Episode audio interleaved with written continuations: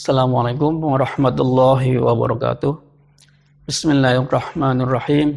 Alhamdulillahi rabbil alamin. Wassalatu wassalamu ala nabiyil karim wa ala alihi wa sahbihi ajma'in wa man tabi'ahum bi ihsanin ila yaumiddin. Amma ba'du. Para uh, pemirsa yang saya hormati, alhamdulillah kita diberi kesempatan oleh Allah Subhanahu wa taala untuk mendapati bulan yang mulia dan agung yaitu bulan Ramadan. Pada kesempatan kali ini kita akan membahas tentang fikih dan kaitannya dengan uruf atau adat kebiasaan. Sebelum kita membahas relasi antara fikih dan uruf, kita uh, mengkaji dulu arti dari syariah. Syariah secara bahasa berarti uh, al-at-tariqah al-mustaqimah atau jalan yang lurus atau juga kadang-kadang diartikan sebagai jalan yang menuju mata air. Dan juga kadang-kadang juga uh, diartikan sebagai jalan terang untuk diikuti. Itu secara bahasa. Secara istilah, secara sederhana, syariah merupakan seluruh ajaran Islam yang dibawa oleh Nabi Muhammad Sallallahu Alaihi Wasallam ajaran Nabi Muhammad sallallahu alaihi wasallam atau syariatu Muhammadin sallallahu alaihi wasallam kita dapati sekarang ada pada Al-Qur'an dan juga uh, sunnah Nabi. Syariah dengan demikian uh, berasal atau uh, datang dari asyari yaitu pembuat syariat. Pembuat syariat adalah Allah uh, dan Rasulnya. Ini berbeda dengan fikih. Al-fikhu berarti uh, al-fahmu al-amik. Pemahaman yang mendalam. Ini artinya pemahaman para ulama terhadap syariah tadi. Yaitu pemahaman atau interpretasi para ulama terhadap Al-Quran dan uh, sunnah Nabi. Itulah uh, yang disebut uh, fikih. Karena sifatnya pemahaman atau interpretasi para ulama, kemudian memunculkan pendapat yang berbeda-beda.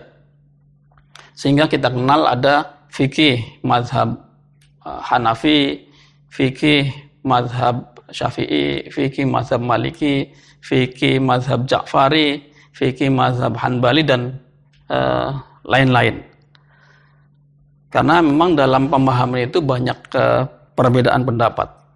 Bahkan dalam sejarah hukum Islam, uh, di kalangan Sunni saja terdapat banyak madhab. Minimal ada 13 madhab. Dan yang kita kenal hanya empat atau empat yang masih tetap eksis sampai sekarang, yaitu madhab Hanafi, Maliki, Syafi'i dan Hanbali. Dulu eh, banyak sekali mazhab tetapi karena pengikutnya sudah tidak ada, maka kemudian eh, sudah tidak diikuti oleh orang-orang yang sekarang. Walaupun pendapat-pendapat mazhab itu masih kita dapati dalam kitab-kitab eh, fikih. Dengan demikian fikih itu muncul dari al-faqih. Ini berbeda dengan asyariah Asyariah muncul dari asyari, pembuat syariat, yaitu Allah dan Rasulullah. Sementara al-fiqhu atau fikih ini uh, merupakan hasil pemikiran al-faqih atau ulama. Ini bedanya uh, syariah dan uh, fikih. Dari syariah kemudian uh, menghasilkan fikih, para ulama atau para mujtahid atau para fukoha ahli fikih ini menggunakan alat alat analisis atau metodologi tertentu yang disebut dengan usul fikih. Jadi usul fikih ini adalah metodologi yang digunakan oleh para ulama untuk memahami Al-Quran dan As-Sunnah. Sehingga kemudian menghasilkan uh, fikih. Jadi di sini di antara syariah yang merupakan uh, sumber utamanya adalah Al-Quran dan As-Sunnah dan fikih itu di tengah-tengah itu ada usul fikih yaitu alat analisis yang digunakan oleh para ulama untuk memahami Al-Quran dan As-Sunnah. Secara metodologis usul fikih, para ulama ini, para fukoha, ketika memahami ayat-ayat Al-Quran dan hadis-hadis Nabi, itu tidak hanya uh, menggunakan teori dan kaidah uh, kaidah dan kecenderungan pemikiran masing-masing. Dalam arti ketika memahami Al-Quran dan As-Sunnah, itu tidak hanya memahami teks ayat dan Al-Quran dengan metode dan teorinya masing-masing, tetapi juga mempertimbangkan uruf eh, di mana para fuqaha itu eh, berada. Tadi makanya kemudian ada eh, berbagai macam mazhab. Bahkan di awal sejarah Islam itu ada yang disebut fikih Hijaz dan fikih Irak. Bahkan di, di Hijaz itu ada fikih Mekah, ada fikih Madinah. Begitu pula di Irak ada fikih Basro dan juga ada fikih Kufah.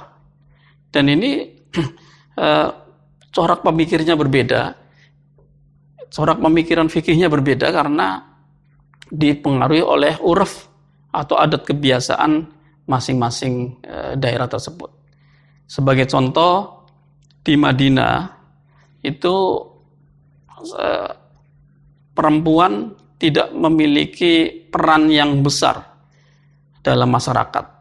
Sehingga corak fikih e, Madinah perempuan itu tidak bisa misalnya menikahkan dirinya sendiri gitu uh, atau bahkan fik, uh, perempuan tidak bisa menjadi wali nikah.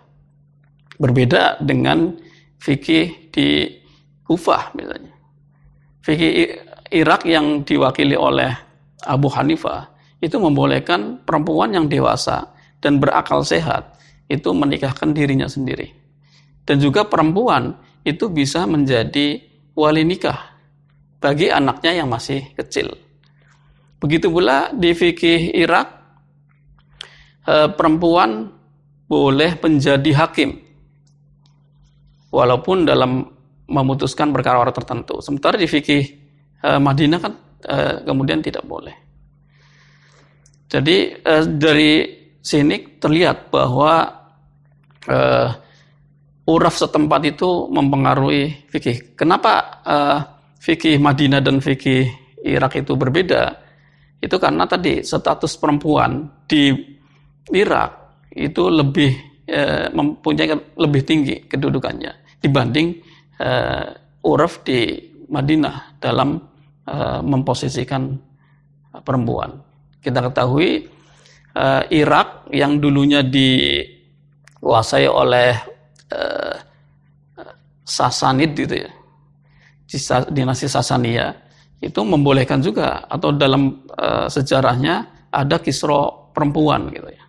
Jadi status perempuan itu memang uh, ditempatkan lebih tinggi dalam masyarakat dibanding uh, masyarakat di uh, Madinah. Nah, perbedaan-perbedaan uruf uh, wilayah itu mempengaruhi uh, pemikiran fikih. Bahkan Imam Asy-Syafi'i ketika berada di Baghdad, kemudian pindah ke Mesir, fikihnya kan ada perubahan. Fikih-fikih madhab, fikih Imam Syafi'i yang ada di Irak disebut uh, Qaul Qadimnya Imam Syafi'i. Sementara fikih-fikihnya Imam As-Syafi'i di Mesir disebut dengan Qaul Jadid dan ada perubahan gitu. Walaupun mungkin menurut para ulama perubahan itu karena perubahan pemikiran Imam Syafi'i, tetapi juga ada perubahan karena ada perubahan uruf uh, di mana Imam Syafi'i hidup. Ketika Imam Syafi'i di Baghdad uh, mendapati uruf Baghdad, kemudian ketika pindah ke Mesir, Imam Syafi'i mendapati uruf yang berbeda uh, di Mesir. Dan ini uh, terus berlanjut. Ketika uh, Imam Syafi'i diikuti oleh para pengikutnya, yaitu antara lain misalnya pengikut Imam Syafi'i di Khurasan, itu juga corak pemikirannya berbeda dengan corak pemikiran fikih para pengikut Imam Syafi'i di Eh, eh, di Irak. Sehingga kemudian dalam sejarah awal madhab Syafi'i itu ada kelompok Khurasaniun yaitu pengikut-pengikut Imam Syafi'i di Khurasan dan ada juga pengikut-pengikut Imam Syafi'i di Irak atau di Irak yang disebut dengan Al-Iraqiyun. Kenapa ada corak pemikiran yang berbeda? Ini karena memang uruf di Khurasan dan uruf di uh, Irak itu uh, berbeda. Begitulah uh, sifat dari fikih yang terus uh, dinamis seiring dengan uh, perubahan dan perbedaan uruf masyarakat. Walaupun sumber utamanya itu adalah sama, yaitu Al-Quran dan As-Sunnah. Sehingga dari sini juga bisa di uh, lanjutkan bahwa memungkinkan adanya fikih Indonesia atau fikih Malaysia, fikih Mesir, yaitu fikih yang didasarkan pada uruf masing-masing uh, tempat tersebut. Saya kira itu uh, penjelasan singkat tentang relasi antara fikih dan uruf. Terima kasih. Kurang lebihnya mohon maaf. Wabillahi taufiq wal hidayah. Wallahul muwafiq ila aqwamit thariq. Assalamualaikum warahmatullahi wabarakatuh.